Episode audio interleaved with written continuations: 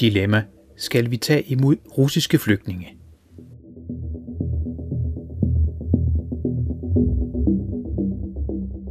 EU-landene er endnu engang stødt ind i et dilemma, som de skal finde fælles fodslag for. Men vi begynder et andet sted. Lange bilkøer med russiske mænd ved den finske grænse bilkøer i mange andre nabolande til Rusland. Mændene i bilerne stikker alle sammen af. De vil ikke kæmpe i krigen mod Ukraine. Rygter de også at blive indrulleret i den russiske her. Det er det forløbige resultat af Putins beslutning om at indrullere yderligere 300.000 reservister i krigen mod Ukraine. Lykkes det ham, vil det uden tvivl kunne type magtbalancen til Ruslands fordel – Allerede nu kæmper ukrainske styrker med alt, hvad de har og kan.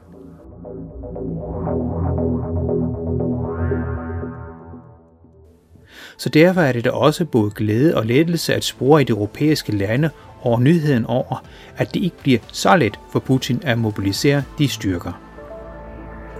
Demonstrationerne mod mobilisering af op mod 300.000 russere i krigen i Ukraine fortsætter i Rusland, og omkring 800 personer er i løbet af Håbet om, at netop intern modstand mod det russiske styre vil kunne afsætte Ruslands magtfulde mand, er centralt som argumentet for sanktionerne, der er indført.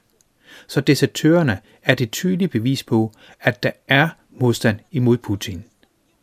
Desværre flygter de i stedet for at danne en fælles front imod Kremls nye zar er altså zar i overført betydning, men betegnelsen er alligevel relevant. For under den sidste del af zarstyret slog diverse hemmelige og ikke hemmelige tjenester hårdt ned på alle, der prøvede at danne en organiseret form for modstand. Det samme er sket systematisk igennem mange år i dagens Rusland. Det kunne lektor Birgitte Pristed fra Aarhus Universitet forleden fortælle om i P1 Morgen. Alt imens Vesten i øvrigt lukkede øjnene for den stigende systematiske undertrykkelse af både befolkningen og så i øvrigt resterne af det russiske demokrati. Alt det fører tilbage til det dilemma, vi lagde ud med i begyndelsen af udsendelsen.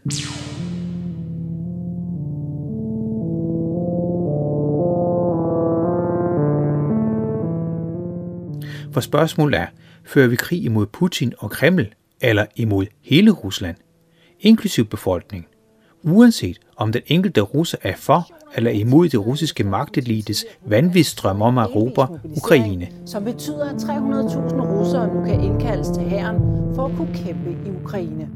Og ifølge en russisk menneskerettighedsgruppe, så er mere end 2.000 demonstranter... Spørgsmål splitter både EU-landene og befolkningerne i de forskellige lande. For eksempel så holder Finland godt nok sine grænser åbne over for de tusindvis af russiske fortridsvis mænd, der flygter fra Rusland til Finland, men er samtidig betænkelig ved at give asyl eller humanitært ophold til et stort antal russere. Andre lande, som Tyskland, ser flygtninge som deres venner i kampen imod Putin og ønsker at tage imod dem med åbne arme. Men lad os lige se på argumenterne. Både de argumenter, der taler for at tage imod de tusindvis af russere, der allerede er kommet eller vil komme i den nærmeste tid, og de argumenter, der er imod.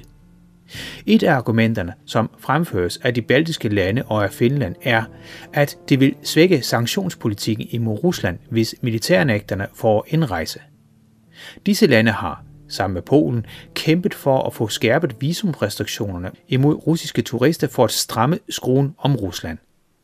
Derudover mener en del østeuropæiske og baltiske lande, at et stort antal russiske mænd kan udgøre en sikkerhedsrisiko. Blandt andet er der fremført, at de kan være med til at sprede propaganda. Til sidstnævnte argument kunne man naturligvis straks indvende, at det gør Rusland jo i forvejen. Og internet åbner netop den mulighed for, at de russiske internettrolle kan sidde hjemme i deres eget land og sprede antivestlig propaganda. Omvendt kunne et stort antal russere i Vesten måske sprede den vestlige vision af den ulovlige krig i Ukraine til Rusland.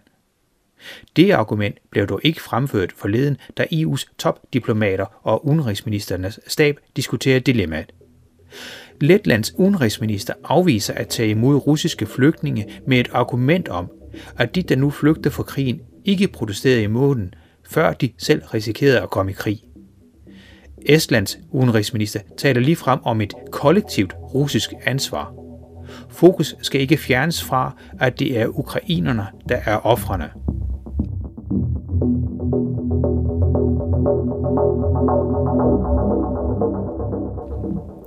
De argumenter er lande som Tyskland og Frankrig lodret imod. EU skal ifølge de lande straffe Putins styre, men ugen at kappe båndene til den russiske befolkning. Ved at vise solidaritet viser man samtidig den russiske befolkning, at den antivestlige propaganda, de har hørt, ikke er sandt. Vi vil ikke russerne eller Rusland nå ondt, men bare at landet stopper krigen og så i øvrigt generelt opfører sig demokratisk. Formanden for det europæiske råd, Charles Michel, er enig og har opfordret medlemslandene til at åbne sig for de russiske flygtninge.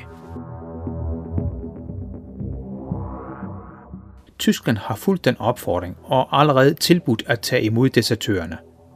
Det er en moralsk forpligtelse at hjælpe modige mennesker, der bekæmper det russiske regime, lyder argumentet fra den tyske regeringskoalition.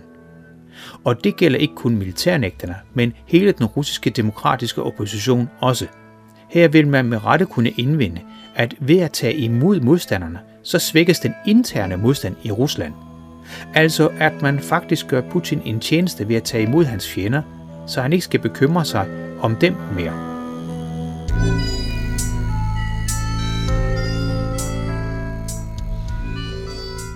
At netop Tyskland tager imod russiske flygtninge er værd at bemærke, hvis man er russer. For i den store faderlandskrig, som 2. verdenskrig bliver kaldt i Rusland, er Tyskland hovedskurken. Naturligt nok, da det netop var Nazi-Tyskland, der invaderede Rusland og medførte 25 millioner døde russere. Langt, langt flere døde i Rusland end i nogen andre lande. Så frygten for nazisterne ligger dybt i langt de fleste russere. Mange sætter netop et lighedstegn mellem nazisme og Tyskland. Ikke bare russere, men f.eks. også Polen gør ofte Tyskland opmærksom på det ansvar, som de mener landet har. For nylig krævede Polen f.eks. krigsskadeerstatning for 2. verdenskrig fra netop Tyskland.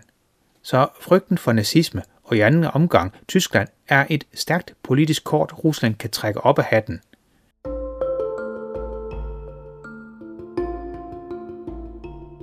Krigen i Ukraine har ifølge Putin netop til formål at afnazificere landet. Så hvis netop Tyskland tager imod russiske flygtninge, så kan det ikke udelukkes, at det vil kaste en stor skovl grus i den russiske propagandamaskine. Tyskland mener i øvrigt, at de ikke har andre muligheder end at give dem asyl. For desertørerne flygter jo fra et diktatorisk regime og har dermed automatisk ret til at få asyl. Den juridiske tolkning underbygges af en afgørelse fra EU-domstolen om syriske desertører. I november 2020 kom domstolen frem til, at syriske mænd, der var flygtet for at slippe for at kæmpe i præsident Bashar al-Assads hær, opfyldte kriterierne for at få asyl.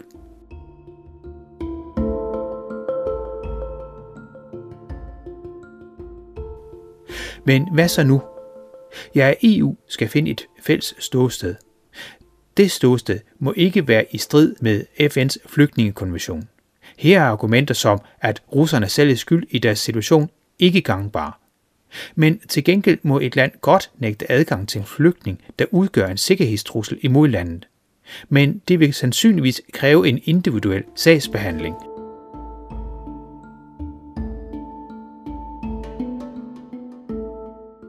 Selvom et fælles fodslag inden for EU er vigtigt over for Rusland, så er det dog i sidste ende de enkelte lande, der har retten til at fastlægge deres egen asylpolitik. Så demokratiet skal med andre ord gå sin gang. Det kræver dog i første omgang, at også de forskellige landes indbyggere kender til dilemmaet og diskuterer det. Det gør du nu, kære lytter, og tak for det.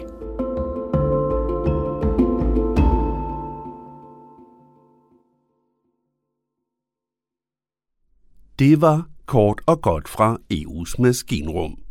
Journalisten, han hedder Jan Simmen. Det er Radio MB, der har produceret indslaget, der er støttet af Europanævnet. Du kan finde flere historier på radiomb.dk-eu. EU.